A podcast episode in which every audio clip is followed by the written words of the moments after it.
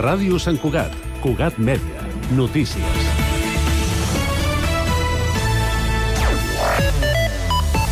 Bona tarda. La clínica de Sant Cugat amb Gender ha exposat el seu darrer estudi de tendències i perfils dels pacients que hi assisteixen. La baixada d'edat mitjana dels pacients i l'augment d'homes trans i no binaris són els índexs que més hi destaquen en aquest estudi que es realitzen un any a la clínica des de que hi operen. El doctor i director executiu Ivan Mañero, a més, ha exposat aquest matí en roda de premsa com la innovació quirúrgica i els avenços clínics han permès que les cirurgies transitòries siguin cada cop més ràpides. Mañero ha explicat que, com al principi una operació de canvi de gènere trigava unes 14 hores i ara poc més de 3 hores. És dijous 26 d'octubre de 2023. També és notícia que Sant Cugat s'ha convertit en tota una ciutat escenari. El fet que cada cop hi hagi més oferta de produccions audiovisuals fetes a casa nostra i que Sant Cugat disposi d'un ampli ventall d'espais, des d'entorns naturals com Collserola, passant per edificis amb un gran patrimoni històric fins a propietats privades, fa que l'Ajuntament activés fa un any un servei per facilitar que la ciutat aculli rodatges. Amb aquesta premissa es va crear l'oficina virtual Sant Cugat City of Film, on tècnics del consistori informen i assessoren agents audiovisuals municipals sobre quines taxes s'han de pagar, quins permisos s'han de demanar o bé com rodar els diferents indrets que ofereix el terme municipal. L'Ajuntament habilitarà com cada any un servei especial d'autobús pels desplaçaments al cementiri amb motiu de Tots Sants. El servei funcionarà el cap de setmana del 28 i 29 d'octubre i dimecres 1 de novembre. El recorregut connecta amb diferents parades de la plaça de Sant Francesc amb el cementiri amb una freqüència de pas d'una hora al cap de setmana i de mitja l'1 de novembre. A més, el cementiri ha ampliat el seu horari de visites de 9 del matí a 6 de la tarda fins al dimecres 1 de novembre. Última jornada esportiva d'octubre aquest cap de setmana pels equips santcuatencs on destaquen el duel pel lideratge de la Lliga Iberdrola d'hoquei herba entre el júnior i el Club de Campo. El partit es disputarà diumenge a Madrid a dos quarts d'una del migdia entre madrilenys i santcuatencs que comparteixen la primera plaça empatats, empatades a punts i encara invictes. Poden consultar tota l'agenda esportiva de cada setmana a Cugat Mèdia, www.cugat.cat. Res més per ara. La informació torna d'aquí una hora a la mateixa sintonia i constantment a internet a www.cugat.cat.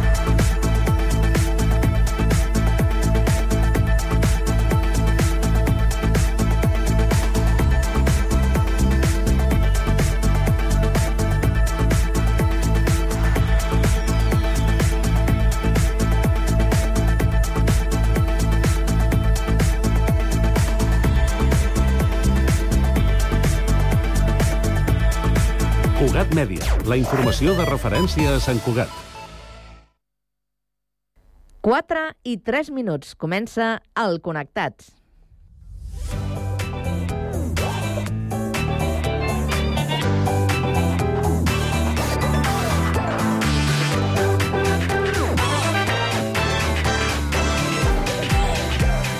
Connectats amb Carme Reversa.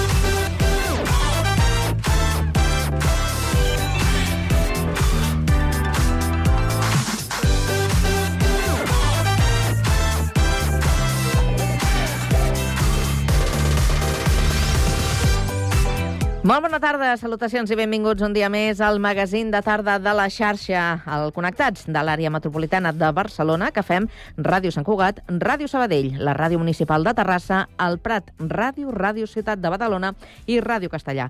Una salutació de tot l'equip conduït a la part tècnica per Pablo Palenzuela, Jessica Ríos a la producció i de qui us parla, Carme Reverte. Avui és dijous 26 d'octubre i volem saber quin temps ens espera aquesta tarda. Lluís Mi Pérez, Bon dia. Molts núvols al llarg de les properes hores, però com ha passat aquest matí, són núvols molt prims, a la seva majoria, simplement al nord de Lleida, cap al Pirineu, bàsicament, sí que són núvols més gruixuts i van deixant pluja i una mica més de precipitació, però a gran part de Catalunya simplement el sol una mica balat. Hem de destacar que l'ambient serà molt suau. Al llarg d'aquesta tarda, el vent de ponent que hi bufarà farà que la temperatura pugi respecte a ahir. Arribarem a passar fins i tot dels 25 graus a les comarques de Girona i de la costa i prelitoral de Barcelona o de Tarragona tot plegat amb aquest vent que anirà a més. Atenció perquè aquesta tarda i vespre el vent de Ponent i de Garbí bufarà a moltes comarques i a l'interior de Girona, a l'àrea metropolitana de Barcelona, al Camp de Tarragona i a la Catalunya central serà un vent a tenir en compte. Aquesta tarda també amb una mica més de pluja a les comarques de Lleida i a la resta del país quatre gotes molt poc destacables. Atenció amb l'estat de la mar, que s'anirà alterant. Hi haurà un temporal al llarg d'aquesta nit, vent del sud destacable. Us seguirem a la xarxa.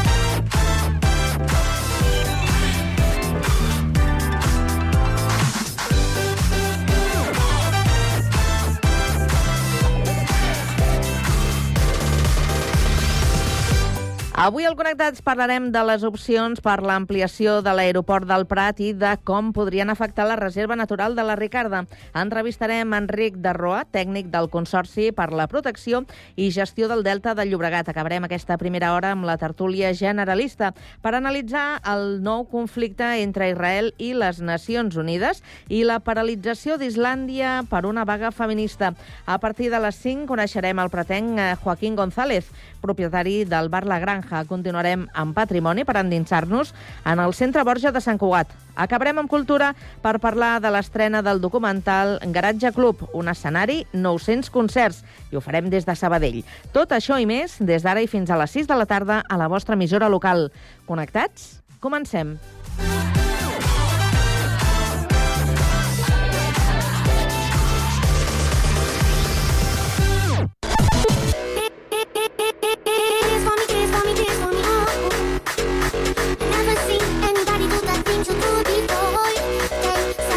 Connectats, una experiència radiofònica a Sabadell, Terrassa, Sant Cugat, El Prat, Castellà i Badalona.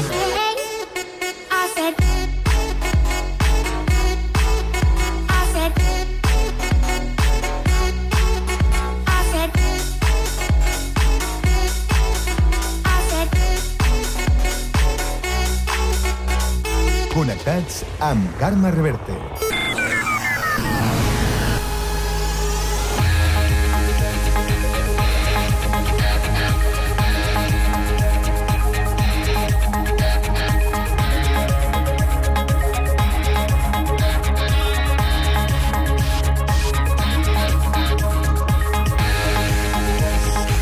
I a les 4 i 7 minuts ens actualitzem i ho fem amb el repàs a l'actualitat informativa que obrim un dia més per Terrassa. Sergi Estapé, bona tarda. Bona tarda. El Consorci Sanitari de Terrassa vol que la realitat augmentada es converteixi en una eina habitual als quiròfans de l'Hospital de Terrassa. L'última setmana del mes de setembre, l'equipament es va convertir en el primer centre públic de tot l'Estat a utilitzar aquesta tecnologia. Van ser quatre operacions de columna amb un resultat tan satisfactori que el Consorci busca la fórmula per fer-se amb aquest sistema de manera permanent. Es tracta de la plataforma Nexart, de la companyia suïssa Medacta. Serveix per operar qualsevol tipus d'articulació. Després d'escanejar l'àrea a intervenir, de la mateixa manera com es fan les ressonàncies, el programari en crea un model tridimensional que el cirurgià pot anar veient durant l'operació a través d'unes ulleres especials. Fins ara les tecnologies existents obligaven qui feia la cirurgia a girar la vista cap a una pantalla, però amb aquest sistema la visió és simultània. A més, perquè la projecció sigui exacta, se situen en el pacient una mena d'agulles que serveixen d'antena per mantenir-la calibrada en temps real. Altres avantatges d'aquesta innovació són que permet reduir l'exposició a radiació de professionals i pacients i que ocupa molt poc espai, a diferència de, per exemple, els grans braços robòtics per fer operacions a distància. Gràcies, Sergi. Seguim ara per la cocapital, la Sabadell. Avui que és notícia. Pau Duran, bona tarda. Bona tarda. Continua la polèmica entre la Generalitat i els municipis de l'art metropolità per les zones de baixes emissions. En el marc del tercer Congrés de Qualitat de l'Aire que s'està fent a Sabadell, s'han tornat a creuar declaracions contraposades. En la taula institucional que ha inaugurat la sessió, la directora general de Qualitat Ambiental i Canvi Climàtic de la Generalitat de Catalunya, Mireia Boia, ha demanat als ajuntaments que no es limitin a complir l'expedient, com ha reblat després en roda de premsa sobretot també per garantir eh, aquesta salut dels ciutadans. Per això, eh, quan diem que eh, no cal cobrir l'expedient legal de tenir la zona de baixes emissions, sinó ser més ambiciós, és perquè hi ha al darrere tota una sèrie d'estudis, de dades, de eh, consells eh, que venen dels científics que eh, avalen eh, aquesta necessitat d'ambició. Boia dona per bones les ordenances que s'han fet, però reclama elements comuns a tot el país, com per exemple senyalitzacions igual per tots. De la seva banda, l'Ajuntament de Sabadell continua explicant que les noves mesures ambientals que se'ls van presentar el dilluns per part de la Generalitat els han agafat per sorpresa per haver-se treballat d'esquenes al món local. Gràcies, Pau. I ara passem del Vallès al litoral, a Badalona. Andrea Romera, bona tarda. Bona tarda, Carme. La Federació Espanyola de Municipis i Províncies ha anomenat l'alcalde de Badalona, Xavier García Albiol, membre titular del Consell d'Europa i suplent del Comitè Europeu de les Regions, un organisme que representa les comunitats autònomes, regions i ciutats dels 27 estats de la Unió Europea i en el qual s'adopten decisions rellevants, com el finançament. Albiol considera un honor i una gran responsabilitat ser present als màxims organismes europeus de decisió municipal. Afirma que treballarà intensament en interès del municipalisme i especialment per Badalona. L'escoltem. Crec que és extremadament importantíssim el fet de que com a alcalde tingui accés directe i sigui un dels protagonistes a on es mou tots els àmbits de decisions importantíssims des d'un punt de vista econòmic, des d'un punt de vista ambiental a nivell europeu. No? Jo crec que per la ciutat de Badalona també que estigui allà és, és molt, molt positiu i que repercutirà de forma doncs, molt beneficiosa per Badalona. El Consell de Poders Locals i Regionals té seu a Estrasburg amb 306 membres de 46 països i que representen a 130.000 entitats locals. A Espanya només hi ha 6 membres representants de tots els ajuntaments. Gràcies, Andrea. I ara seguim el repàs a l'actualitat eh, pel Prat de Llobregat. Lluís Rodríguez, bona tarda. Bona tarda. La policia local del Prat ha commemorat el Dia del Patró, on s'han reconegut els i les agents d'aquest i altres cossos de seguretat per les intervencions més destacades de l'últim any. Entre elles, el macrooperatiu conjunt amb Mossos d'Esquadra del passat mes d'abril, que va permetre desmantellar un grup que es dedicava al conreu de marihuana i que va acabar amb 24 persones detingudes acusades de tràfic de drogues i defraudació del fluid elèctric. A banda d'aquest, l'acte també ha condecorat a un total de 35 persones entre ciutadania, personal municipal i les diferents forces de seguretat i que han tornat a evidenciar la importància del treball conjunt. Escoltem l'inspector en cap de la policia local del Prat, Rafael Pino. Tiene que haber mucha valentía, primero política, para hacerlo.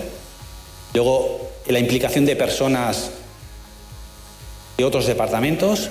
Y luego, el trabajo de formigueta que van haciendo nuestros agentes de policía. Gracias Gràcies i gràcies per vostre treball diari. Durant l'acte també s'ha avançat algunes de les millores que s'estan duent a terme al cos, com les càmeres unipersonals.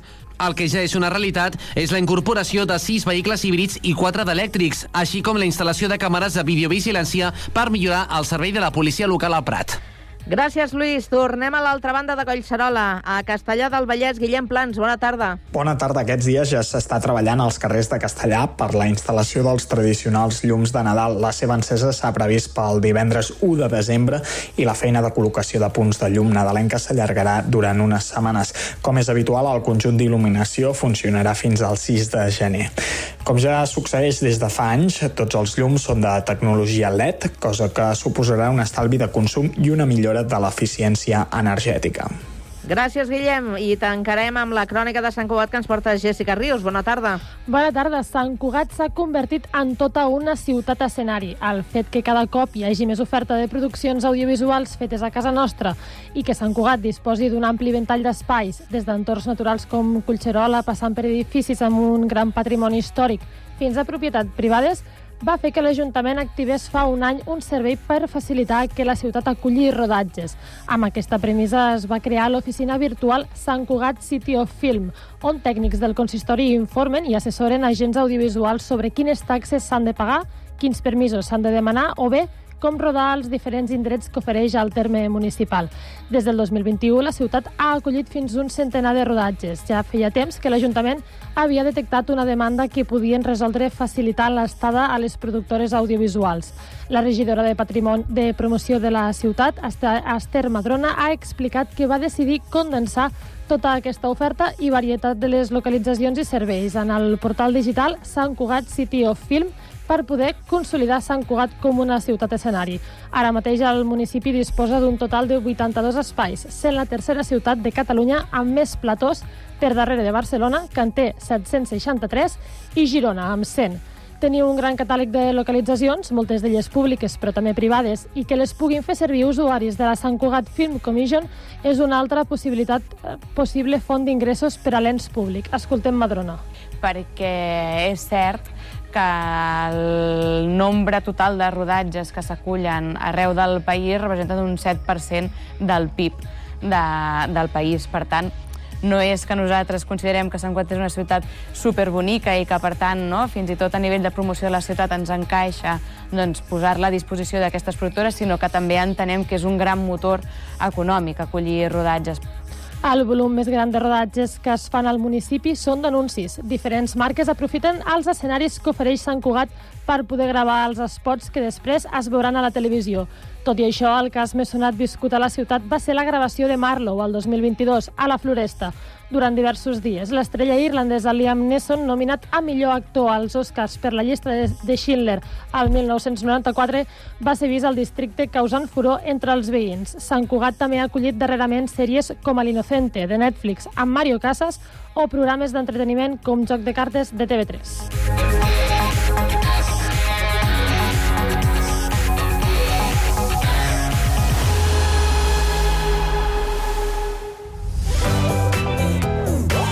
Connectats. Una experiència radiofònica a Sabadell. Ràdio Sabadell, 94.6. Terrassa. Ràdio Municipal de Terrassa, 95.2. Sant Cugat. Ràdio Sant Cugat, 91.5. El Prat. El Prat Ràdio, 91.6. Castellà. Ràdio Castellà, 90.1. I Badalona. Ràdio Ciutat de Badalona, 94.4. Cada tarda de 4 a 6, connectats.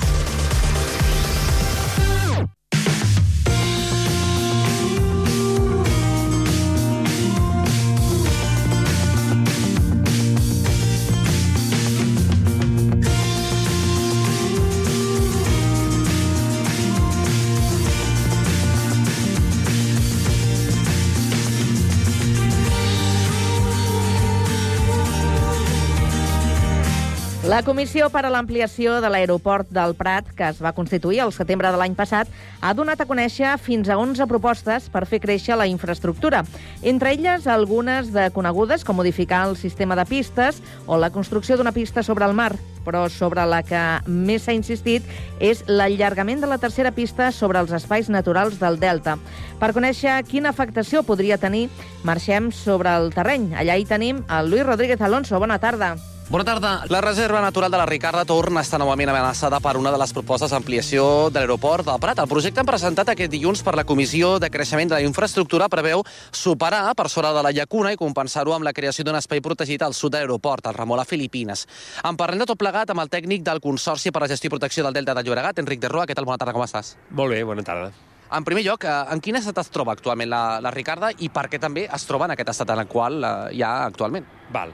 Bé, primer de tot volia comentar que, perquè es diu molt la Ricarda, quan es parla de la Ricarda es parla de l'estany, però en veritat és tot un espai natural. És a dir, la Ricarda no és només la llacuna, l'estany, sinó també ho és la Pineda Litoral, que l'envolta i ho són els canyissars i les maresmes. És a dir, en total és un espai de, natural de 150 hectàrees eh, que rep aquest nom. Aleshores, bé, respecte a l'estany, dir que efectivament doncs, és un estany que, eh, en gran part a causa de l'ampliació la, de l'aeroport, que va provocar tota la desaparició de tota la conca agrícola que hi drenava, ha provocat doncs, que, des de que es va ampliar l'aeroport, eh, diguem-ne que l'estany rep molta menys aigua superficial i ha quedat tancat, confinat. És a dir, ja no es renova l'aigua, ja no comunica amb el mar, i per tant això ha provocat un procés que en ecologia es diu eutrofització, és a dir, que l'aigua té masses nutrients i per tant l'aigua doncs, l'habita per qualitat. Uh -huh. Llavors, actualment l'estany, no parlem de l'espai natural, que l'espai natural està molt bé, parlem de l'estany, sí que està, diguem-ne, en un estat ecològic dolent, però no només la Ricarda, totes les masses d'aigua del Delta Llobregat, malauradament, no hi ha cap que compleixi amb un bon estat ecològic, es diu, que marca la directiva Mar de l'Aigua, una directiva europea. Per tant, el que, el que li passa a la Ricarda, malauradament li passa a moltes llacunes del Delta, ara per ara.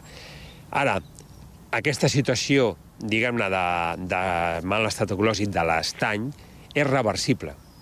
És totalment reversible. Afortunadament, les zones humides són espais molt plàstics, és a dir, es de, són fràgils, es degraden fàcilment, uh -huh. però alhora també es recuperen fàcilment. És a dir, si tornem a restablir el règim hídric de l'estany, és a dir, tornem a portar l'aigua superficial amb la quantitat i qualitat necessàries i tornem a, a, a obrir l'estany cap al mar, que dreni, que renovi l'aigua, que es comuniqui, que es creï gradient de salinitat, que eh, entre els peixos l'estany tornarà a recuperar el seu estat ecològic i tornarà a estar bé. Uh -huh. Per tant, l'estany de la Ricarda és recuperable i si es fan les inversions necessàries i es restableix el règim hídric, tornarem a tenir un estany en bon estat ecològic. De fet, ja estem treballant des del Consorci i a l'Ajuntament amb l'Agència Catalana de l'Aigua amb un projecte per tornar a recuperar el seu estat. Uh -huh.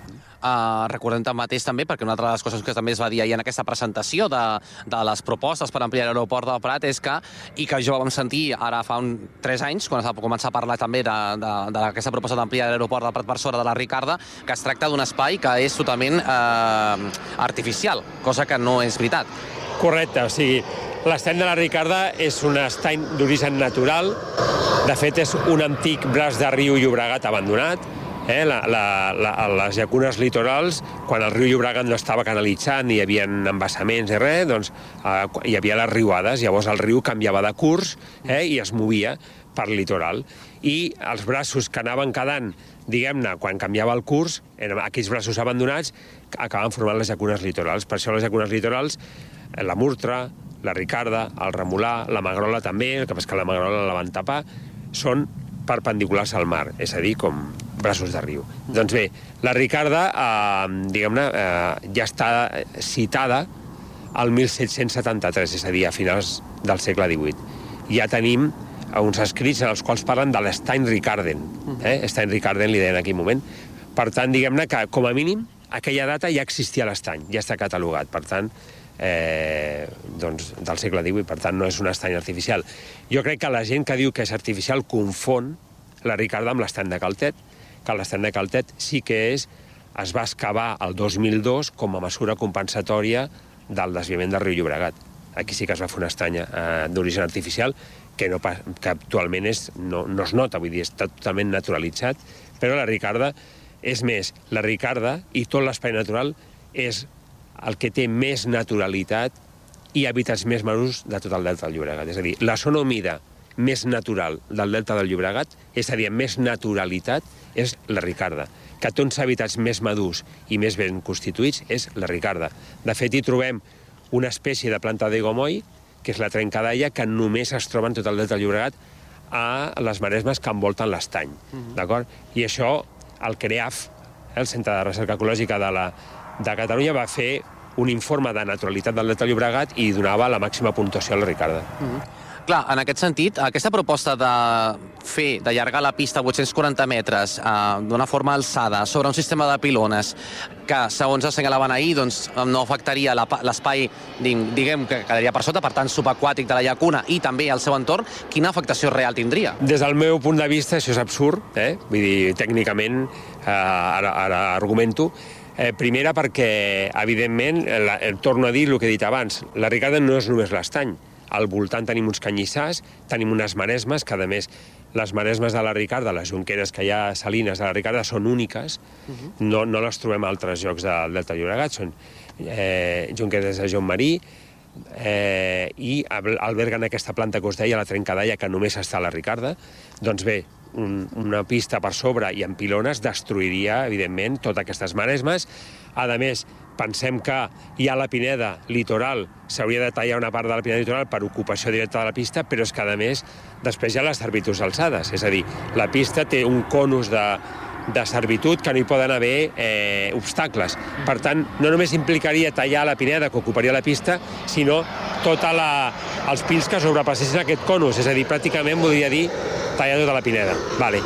Després, una pista sobre l'aigua, evidentment, im impediria la vida eh, de les aus i mamífers que viuen allà, perquè no podrien... I, i, i imagina't el sistema que hauria de tenir l'aeroport per foragitar totes les aus que igualment anirien a l'estany a pescar, a, a criar, a descansar. Eh? Sobretot hi ha molta entrada de gavines, cormarins, a la Ricarda, que són ocells que són, són un risc per a la col·lisió. I després, pel que jo he vist a la premsa, eh? jo només he vist lo de la premsa al dibuix, hi ha unes pilones que van clavades 50-60 metres de fundària. Això, evidentment, eh, aquí tenim l'aqüífer profund.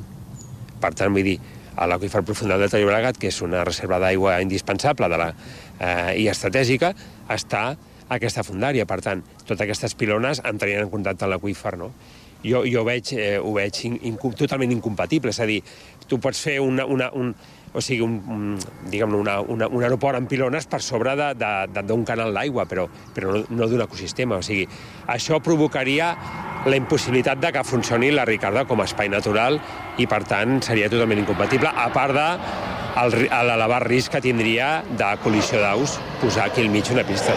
En parlàvem fa 3 anys quan es va llançar aquesta altra proposta d'allargar 500 metres, que què passaria, per exemple, també amb l'accés a la platja, no? perquè també potser quedaria barrat per aquesta ampliació, que no és només una línia de 500 metres en línia recta i ja està, sinó que és tot l'entorn que hi ha al seu voltant i que en aquest cas parlem d'ampliació de 500 a 840 metres i que, per tant, no sé, potser la- l'accés a la platja, i parlo de la ciutadania, que és a qui més li interessa també, eh, a banda de, de la biodiversitat, doncs potser tampoc podria accedir d'aquesta forma. I tant, i tant, clar, bueno, a veure, la, la ciutadania en un moment donat doncs, podríem fer com ara ja un pas subterrani per sota la, la pista, no? perquè les persones ens acostumem a, a passar pels jocs, però la, la, evidentment la, la, la fauna no, no, no li pots dir per on conduir a la gent, als animals, no els pots dir, mira, passeu per aquí i no passeu per allà, no? Mm. Vull dir, perquè no, no... I després una altra cosa també que volia dir és que no és només l'allargament de la pista, ja sabeu que a part de la pista hi ha els carrers de rodadura, hi ha els tancaments, hi ha les llums d'aproximació, val? que també s'han de ficar, llavors, clar, evidentment... Eh, aviam, m'ho hem dit moltes vegades, és a dir, els espais naturals del Delta del Llobregat ja, ja han estat impactats mm, històricament per molts processos, doncs, eh, diguem-ne, d'expansió de, bueno, agrícola, de, urbana, industrial, logística, no? el port, l'aeroport, etc etc. i ja no admeten una perdre una hectàrea més. Eh, afectar la- l'espai natural de la Ricarda amb una urbanització per, per l'ampliació de l'aeroport o pel que sigui, no és només destruir l'espai natural de Ricarda, sinó ja és in, fer inviable el sistema d'espais naturals del Delta del Llobregat. És a dir, ja, ja, ja, ja, no, ja no podem perdre una hectàrea més, ja se n'han perdut moltes més. Ja tenim, tenim una carta d'emplaçament de la Unió Europea que ens està dient que les poblacions de- d'aus en l'anexo i, de, i, de, i les mesures compensatòries no han funcionat suficientment bé i que la biodiversitat del Delta del Llobregat està disminuint. I que, que és, per tant, si tenim aquesta carta d'emplaçament que ens està dient que no està funcionant això, que s'està perdent biodiversitat, tot i que estigui protegit, eh, evidentment el que no farem és encara destruir una, un espai, un altre espai, i a sobre el més la joia del Delta del Llobregat. És a dir, la Ricarda és la joia del Delta del Llobregat, en, en, des, des del punt de vista ecològic. A part, ja no entraré al valor arqui- arquitectònic de les edificacions que té, la Casa Gomis, la Casa del Mar, etc, Cal Vallejo, però des del punt de vista ecològic és la joia del Delta del Llobregat. Llavors, clar, plantejar-se a perdre la joia del Delta del Llobregat amb un espai ja col·lapsat i que la Unió Europea t'està dient que està en declive la biodiversitat i que s'han de fer mesures, doncs que és totalment incompatible i contrari, contrari al que ens diu la, la Unió Europea i les directives europees. En aquest sentit, ah- ahir mateix també es va fer una contraproposta, que era, ells deien traslladar, però en qualsevol cas seria doncs, deixar de la banda la Ricarda i, i en tot cas instal·lar una nova zona artificial, en aquest cas sí, una reserva natural, el que seria el Remorà Filipines. De fet, alguna, el, el plantejament que tenia la Generalitat en aquest sentit d'ampliar la ZEPA, obligada, evidentment, doncs, per aquest toc d'alerta que va fer la Comissió Europea, ja preveia, si més no, alguna zona com aquesta. No sé, eh, serviria per um, arreglar eh, doncs, la, la fragilitat que té el Delta del Llobregat actualment o, de fet, eh, això, ja, ja està previst que s'hagi d'ampliar doncs, aquesta zona CEPA i aquesta protecció dels espais naturals del Delta perquè, precisament, les mesures compensatòries de l'anterior ampliació no s'han executat. Bé, aviam, mm, com deia al principi, l'espai natural de la Ricarda, doncs, com a mínim data de, de, fi, de finals del segle XVIII, no? Per tant, què vol dir? Que tenim, un, un, tenim uns hàbitats, tenim uns, un, una pineda, un, uns canyissars, unes jonqueres, un estany, un, uns processos ecològics i una biodiversitat molt madura. Si nosaltres agafem, encara que fem un estany amb la mateixa forma que la Ricarda, i li plantem els pins, i li plantem els joncs, i li plantem, allò serà una plantació. I serà un espai que haurà de madurar. Això jo crec que s'entén. Si agafem, posem el símil d'un bosc. Si jo ara agafo i me'n vaig al Montseny i tallo una fageda d'allà, una fageda centenària, o la fageda d'en Jordà, per exemple, de la Garrotxa, que tothom coneix, i planto fatxos, de, vaig un viver i planto els arbres. És el mateix? És el mateix? No. Evidentment, allò és un bosc madur que no només té els arbres, sinó que té té uns processos ecològics, té una xarxa tròfica, etc etc que fruit de la maduresa del, del, del pas dels segles. No? Per tant, la Ricarda no es pot reproduir. El, el, els hàbitats naturals, les comunitats vegetals i animals que tenim, els processos ecològics que tenim a Ricarda, no es poden reproduir amb enginyeria ambiental. Es pot fer un estany de la mateixa forma, sí, amb una excavadora, però allò és fruit d'un- d'una maduració, d'una successió ecològica que es diu. Amb, eh? I, per tant, necessitarem 300 anys més per tornar a tenir la Ricarda. Vale. Eh, Per tant, irreproduïble. Es pot fer una zona humida a qualsevol lloc? Sí, clar, evidentment. Mira, l'estany de Caldeta es va fer artificial i, i, i té molta biodiversitat. Però pensem una cosa, la proposta d'ampliació de la CEPA que tu em dius és justament amb, amb una part amb espai agrari per als valors que té com a espai agrari. És a dir, s'està per, és, són eh, eh, avifauna, sobretot ocells lligades al medi agrari. Si allò ho convertim en un aiguamoll, diguem-ne que aquelles espècies ja no hi seran. A part de que eh, bueno, estem parlant de la sobirania alimentària, de conservar el parc agrari, de no perdre hectàrees d'agricultura, etc. No? Per tant, diguem-ne que la l'ampliació de la xarxa Natura 2000 amb aquesta zona on es proposa la, la zona humida és per protegir la biodiversitat lligada a l'agricultura. Molt bé, doncs hem parlat amb Enric de Roy, és tècnic del Consorci per la Gestió i Protecció del Delta del Llobregat. Gràcies per atendre'ns i molt bona tarda. Molt bona tarda.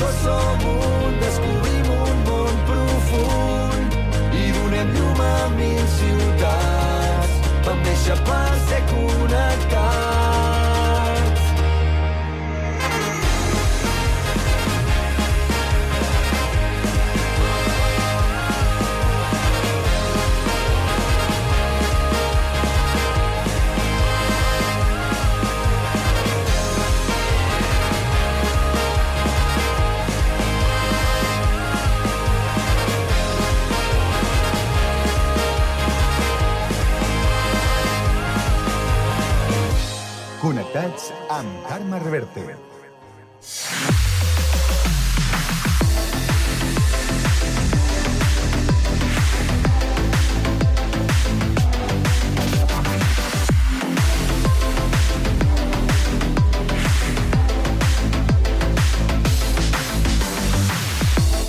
Passen dos minuts de dos quarts de cinc de la tarda i ara ens disposem a compartir opinió en aquest espai de tertúlia que avui farem amb en Xavier Soleil, que és director de la residència de gent gran de Santa Coloma i el tenim eh, ja a Badalona. Xavier, bona tarda.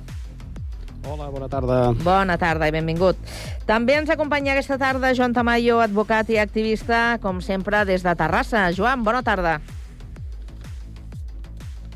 Encara no el tenim, doncs el saludem d'aquí una estona. A l'estudi de Sant Cugat, eh, la fundadora de la Original eh, Communication, Mònica Blasco. Com, com estàs? Molt bé, i tu? Molt bé. Mira, escoltant la, la línia telefònica, que no sé si podem saludar el Joan. Joan? No. No, no, no, no. No el tenim, el Joan Tamayo. Bé, doncs eh, fem un altre intent, a veure si a la tercera va la definitiva. Eh, bé, doncs començarem amb el Xavier i la, la Mònica abordant el primer dels temes, que és un tema que ja hem tractat aquí des que va esclatar eh, en aquesta última ocasió el conflicte entre eh, Israel i, i Hamas, perquè, per si fos poca cosa, aquesta nova guerra, el conflicte s'agreuja eh, amb un conflicte diplomàtic, on també doncs, li ha tocat el rebre a les Nacions eh, Unides, després eh, de les eh, declaracions eh, que va fer el seu secretari general, Anton, eh, Antonio Guterres. Eh, no sé si vosaltres esteu al cas de exactament què és el que mm, va declarar el, el secretari i si, si no sé si té raó o no té raó, o en qualsevol cas, com diu ell, s'han eh, malinterpretat o manipulat eh, les seves eh, declaracions. Eh, tenim, em sembla, eh, el Joan? Sí?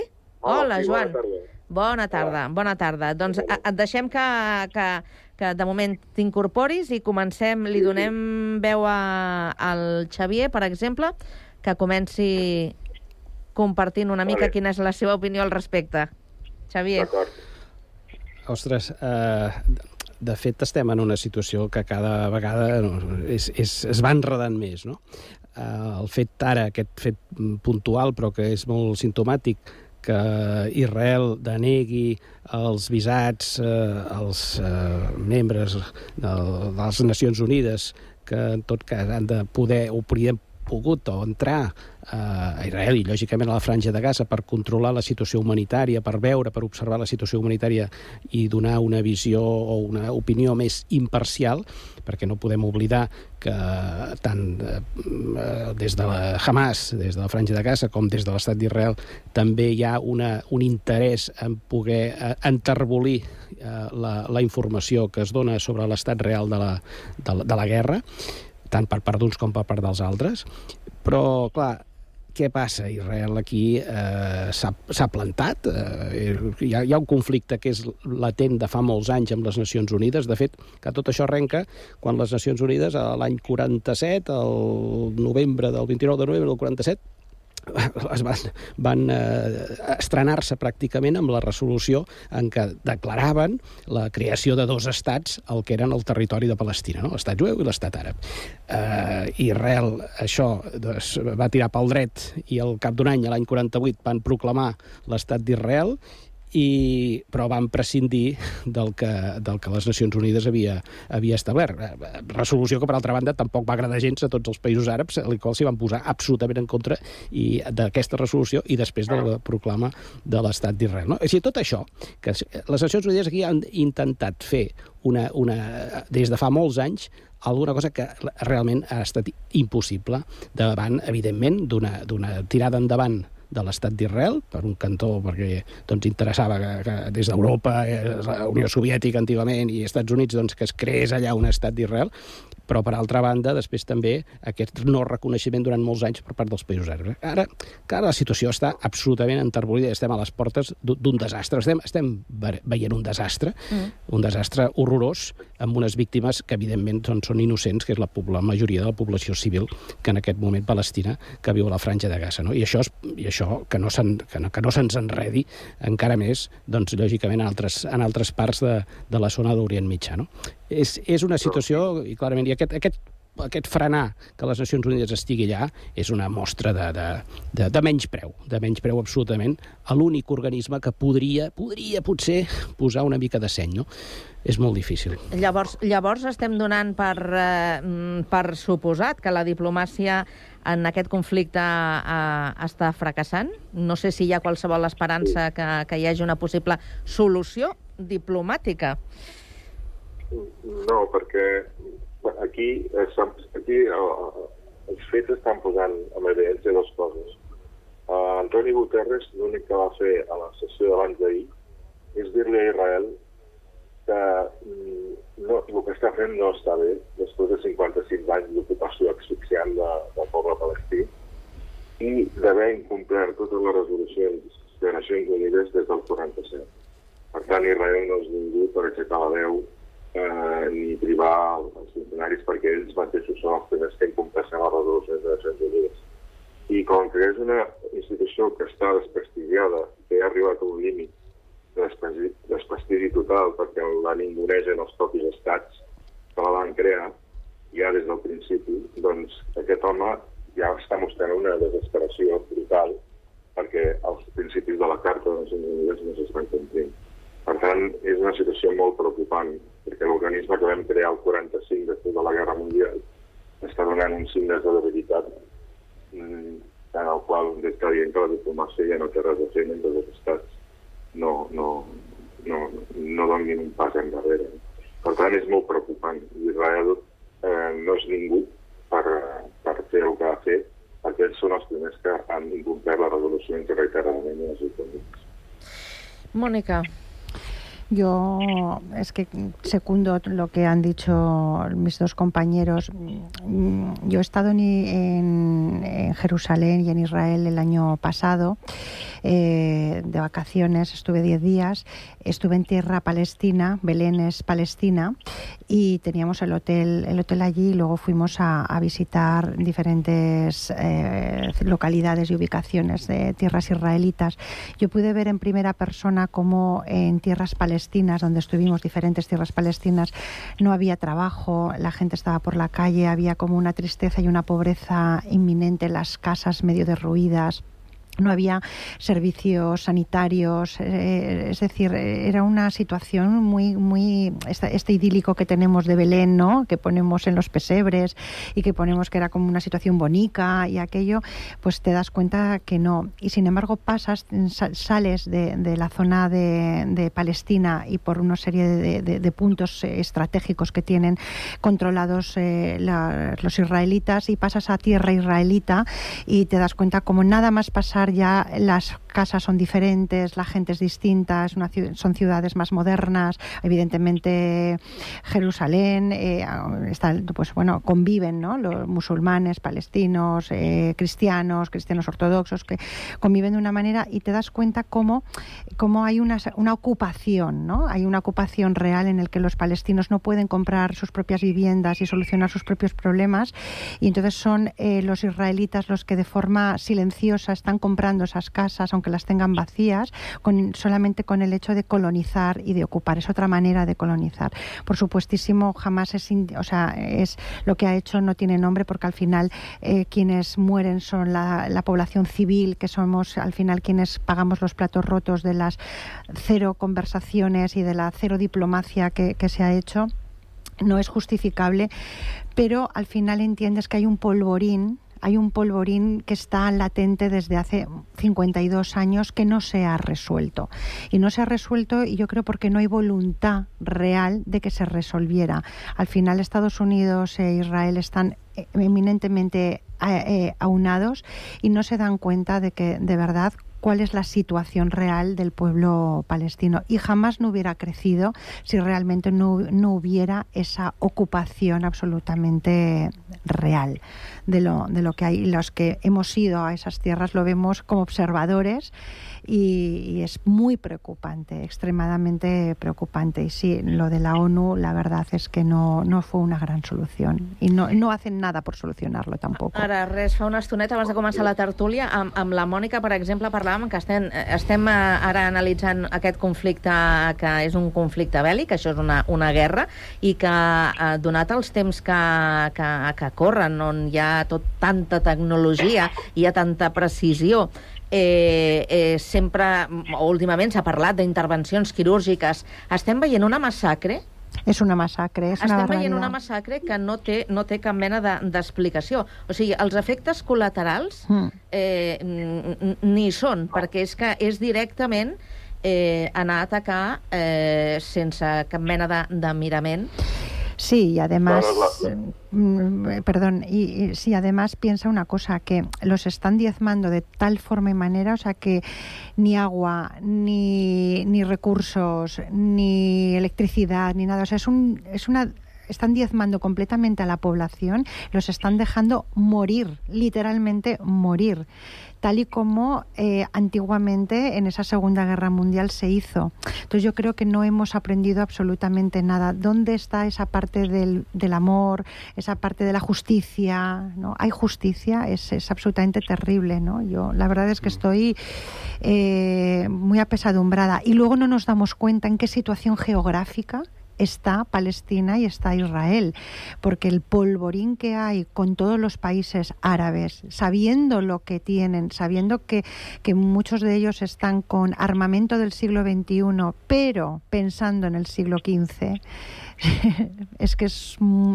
es, hay que, És una bomba, és una, és una bomba, bomba. realment. Sí, sí, absolutament. No, I, a, a més, aquesta reacció, aquesta reacció actual de, de, de, de jo no diria d'Israel, jo voldria marcar de, del govern, Del govern, en aquest sí. moment, del govern d'Israel. Eso es. Perquè com tampoc podem parlar de que tot la franja de Gaza tot és Hamas, sinó que hi ha una organització Hamas que és terrorista i Eso després es. hi ha una població civil que és absolutament innocent i que ha hagut de suportar pot, segurament durant molts anys eh, d'una manera o d'una altra també que Hamas estigués al capdavant de la, de la franja, a diferència de la zona de Cisjordània, que hi ha el Fatah, Mm. que és l'altre gran enemic de, de, de Hamas, però per tant aquí el govern actual d'Israel està encegat, està eh, eh, ferit amb l'amor en el seu hon- honor propi per aquesta, per aquesta Cierto. acció absolutament Sí, sí. terrorista que hi va haver ara fa tres setmanes no? Sí. uh, per part de Hamas. Uh, això, per tant, eh, està provocant aquest ensegament, aquesta reacció absolutament uh, inhumana Mm. contra la població civil. No contra Hamas, contra No contra la població perquè qui civil. està- Qui, qui està es. pagant,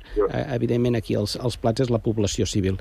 I, a més a més, és evident que això eh, té aquest, aquest rerefons d'aquests durant aquests 50-60 anys que Israel ha anat fent la seva, malgrat la, passant olímpicament de les resolucions de les Nacions Unides Sí. i ha anat expulsant conquerint a poc a poc aquests territoris de, que l'antiga Palestina i que en el seu moment s'havien dibuixat com a territoris d'aquest estat palestí, però que igualment això, aquestes ànsies d'expansió territorial eh, fan impossible han fet impossible que es respectés aquella, aquella mínima idea que tenia les Nacions Unides l'any 47. No?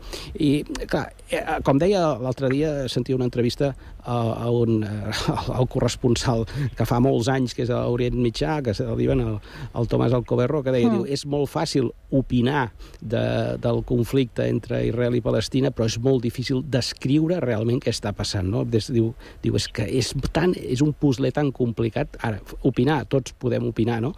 I jo puc entendre una reacció de defensa de, de, de, de, de l'Israel contra aquesta agressió terrorista de Hamas, es pot entendre, però el que no es pot entendre ni justificar és aquesta actuació contra la població civil de Gaza que l'estan matant eh, sense aigua, sense corrent, sense menj poder menjar i per tant això és una, és una animalada el que estan fent. Vinga, Joan. Sí, no, eh, recordar això, que, que, que mentre les Nacions Unides estigui dominada pels sis o set estats que, que dominen el món, que són els del Consell de Seguretat, doncs eh, no funcionaran Nacions Unides, però no perquè no puguin, és que no volen els grans estats. A la, a, en poques setmanes han intentat sortir 3-4 resolucions del Consell de Seguretat i, i o han sigut vetades per uns perquè tenen el dret de veto o altres o no han, no han trobat la majoria. Per tant, a la ONU s'ha de fer un replantejament molt seriós eh, des de baix a dalt perquè ja ha deixat de ser un instrument que volien. I les guerres actualment són això. Lamentablement són això. Mireu, Yemen, Síria, etc. Eh, es va massacrar les poblacions civils ciutadans, ciutadanes de tercera, pobres, etc., que no tenen veu i no, no importen, i el que importa és tenir territori, posar la bandera allà, etc etc. Per tant, eh, tenim un problema eh, greu, greu, de, de, de, de, de, i, no podem, no podem a l'hora de, de, d'analitzar un conflicte quedar-nos en titulars. Hem d'anar a la història i en el conflicte àrab-israelí és molt important saber el que ha passat des del 47 i, i per entendre una mica, perquè és molt complicat. I aleshores, doncs, eh, també estic d'acord amb els companys, els, els grups terroristes eh, els provoquen les situacions d'autoritarisme, de, de, de, de violència política, de, de, o sigui, els propis estats creen les situacions perquè es creïn els, els grups terroristes. Per tant, si mirem qui són els culpables de les massacres, només podem mirar cap a un cantó. Es que los terroristas, Karma, son terroristas aquí, en España, en Israel, Sí, en, en Rusia, y cualquier motivo es bueno para ejercer su fanatismo. Eh, Mira, en Afganistán o, o mi- o- o en Etiopía, da igual. O sea, los terroristas son terroristas y es injustificable. Y cualquier cosa les da pie para, en nombre de lo que sea, matar. Eh, mm, sense anar a la història, que ja hem repassat Mm. una miqueta a, a aquest eh, context, eh, si ens quedem en l'actualitat i fent referència a aquest polvorí que deies tu per la zona Mm. on, on està centrat aquest conflicte, però les repercussions que, que, que, que pot tenir, que de moment eh, no és que les estiguem eh, patint. I ho dic perquè fa una setmana o així eh, parlàvem de, dels estats de- d'alerta que, que han declarat eh, alguns països europeus, entre ells a, a Espanya. L'altre dia el ministre anunciava que estàvem en alerta 4 de, de 5 possible, alerta terrorista. O sigui, mm, tornem, o tenia so, to- tornem a tenir a sobre aquell núvol, aquella sensació de... Ostres, eh, Sí. estem perdent seguretat, no? Sí, però a mi, a mi Carme, em preocupa molt més una altra cosa que això, perquè això eh, sí que és veritat, però ja fa anys que estem en situacions d'aquestes d'alerta. Eh, ho han creat ells mateixos els grans estats des de l'11 de setembre famós. Mm. No, a mi el que em preocupa molt més que això és el discurs bèl·lic que va pujant en el món. O sigui, no hi ha Sí. discurs de pau, sinó discurs bèl·lic. I, Això i, i, I això permetrà que aquest senyor que es va votar ahir per una ciutat dels Estats Units eh, amb un rifle de repetició matant a qui li donava la gana, això va pujant. Per, què? Perquè el discurs és el bèl·lic, no el de pau. I per tant, en un discurs bèl·lic tot s'hi val. Més armes, armar-nos, eh, violència física, verbal... És que això és el que em preocupa, que augmenta el discurs de guerra. Sí, además pienso una cosa, que las eh, empresas armamentísticas tienen que sacar todo lo que tienen y sacarlo a la venta. Por lo tanto, eh, interesa, hay unos intereses creados reales de que todo esto tiene que, tiene que salir porque mm, son, tienen que seguir creciendo y tienen que seguir alimentándose y viviendo fantásticamente bien. Y nos guste o no, la población civil, que somos todos nosotros, mm, hay unos intereses creados que no lo sabemos, pero es que no cabemos en este mundo, o dicen que no cabemos en este mundo. Entonces hay que volver otra vez a como reestructurar todo. Y, es un, y eso es lo que dice el compañero, tiene razón, es que lo que preocupa realmente es el mensaje bélico. És horroroso. A aquest missatge bèl·lic, eh, com que és, és simplista, Eso es. eh, és, és, aquí no, no cal argumentar gaire. Jo tinc la raó, per tant, com Mm. que jo m'apodero, tinc la raó i, per tant, el, el, el contrari és l'enemic i, per tant, eh, és el que jo he de vèncer perquè, perquè jo pugui, pugui subsistir, pugui viure, no? Eh, eh, això fa que els extrems es, es, vagin, es vagin retroalimentant i després el, el, a veure, els, els conflictes se solucionen amb mediació, se solucionen amb diàleg, són costosos de solucionar, perquè lo fàcil és anar això, a, a la solució fàcil. Quan això ho arreglem, ja veuràs tu com... Entrarem a, a, a Gaza i, ja veuràs tu com això ho arreglarem, seran unes setmanes, tres setmanes. Aquesta visió de, que, que expressava fa pocs dies el ministre de Defensa israelí em sembla absolutament, absolutament simplista, quan des, desconeixent que sembla que als Estats Units els deia ojo, ojo, perquè entrar a Gaza és entrar amb, amb, un, amb un laberint de cau, de, de túnels, absolutament que pot fer eh, molt, molt, molt difícil una invasió. Però aquest discurs simplista, no, no, això nosaltres en tres setmanes, això, eh, és, és el que després també hi ha molta gent, malauradament, que població que, bueno, doncs el recolza. Ah, sí, sí, sí, això ho hem d'acabar ràpidament. Eh, quan eh, la història ens demostra que els discursos simples, els extrems, no porten la, cap solució. I això, malauradament, és així. Potser estem passant una època, tornem a una època, potser, que, que vaja, sembla que ens haguem oblidat que les, la, la pau eh, és molt feble i es construeix amb diàleg, es construeix amb mediació i es construeix amb sessions mútues, cosa que aquí, sessions mútues, per ara sembla que ningú vol sentir parlar. Bé, doncs, eh, si us sembla, com ens queden res, pocs minutets, eh, canviant de, de tema per eh, eh, tractar una altra qüestió de- d'actualitat.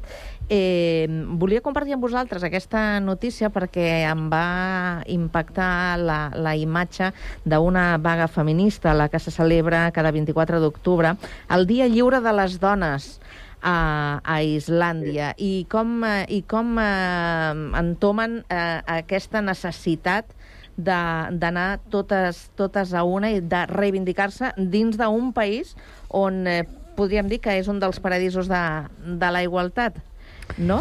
Ens falta encara recórrer molt camí per estar una mica a l'alçada?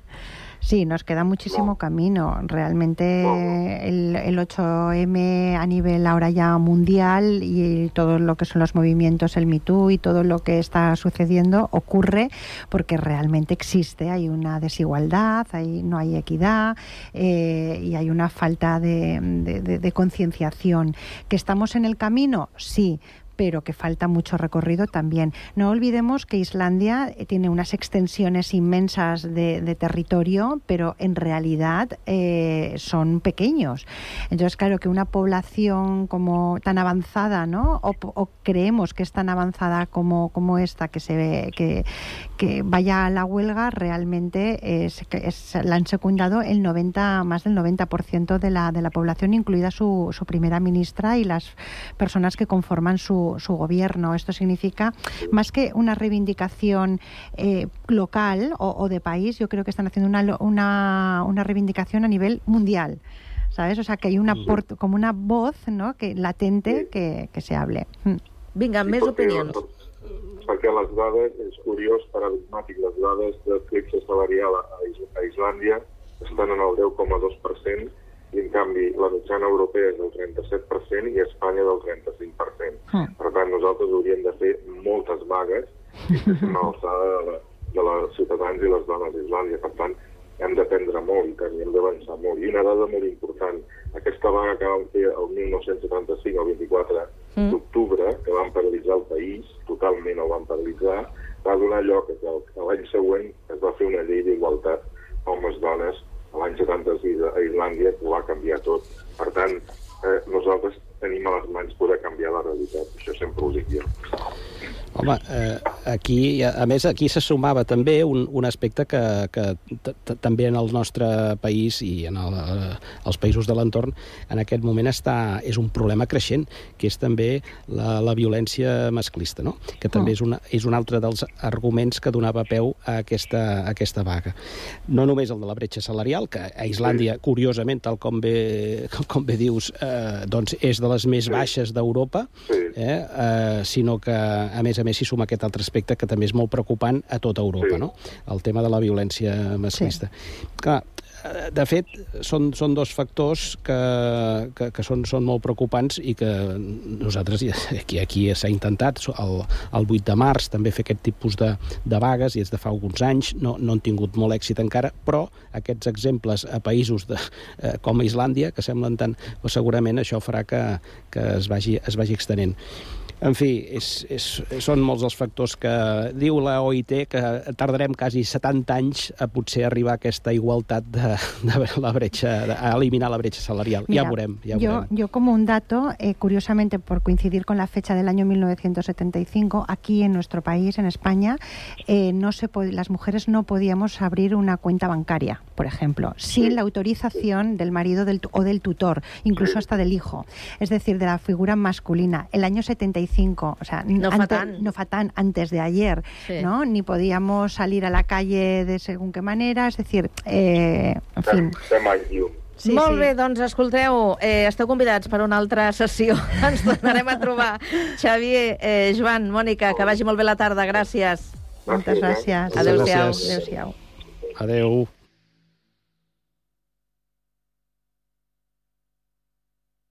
Estàs pensant en posar plaques solars a casa teva?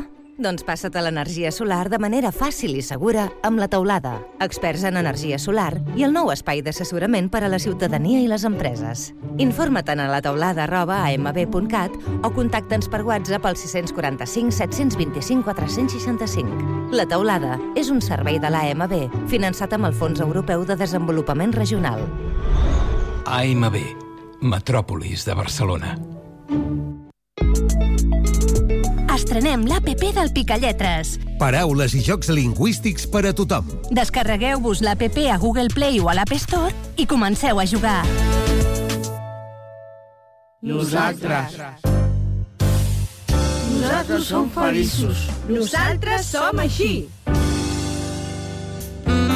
Nosaltres, un programa de ràdio mensual amb el grup Catalònia Fundació Creativa, que treballa amb persones amb discapacitat intel·lectual o trastorn de conducta. Avui som la Maria José, el Miguel, l'Edu, la Núria, l'Irra, el David, l'Antonio, l'Artur, l'Emma, l'Àngel i el Guillem, jo mateix. Jo vaig començar amb el teatre d'aficionats. I vaig començar a fer molts càstings, molts càstings, i vaig començar a dedicar-me a la moda. Jo volia ser tenista i, i vaig aconseguir ser tenista professional. Jo em vaig donar compte que m'agradava molt la natació sincronitzada perquè m'agradava molt l'aigua. Vaig començar bastant tard a, a fer música i vam crear la banda d'Arnau Giso. Nosaltres, Cada mes a Ràdio Sant Cugat, Cugat Mèdia. Nosaltres.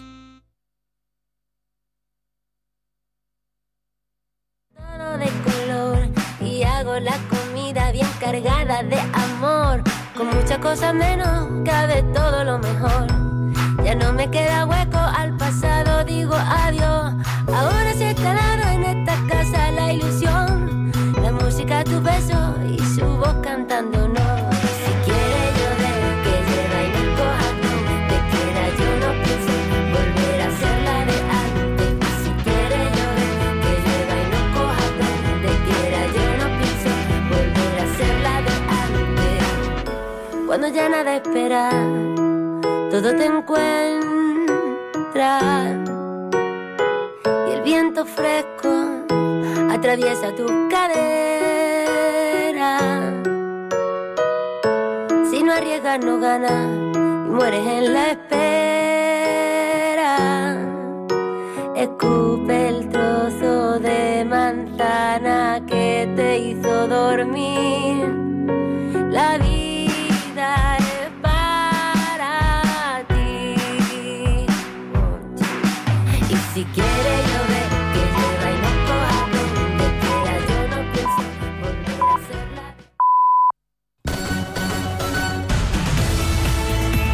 la Ràdio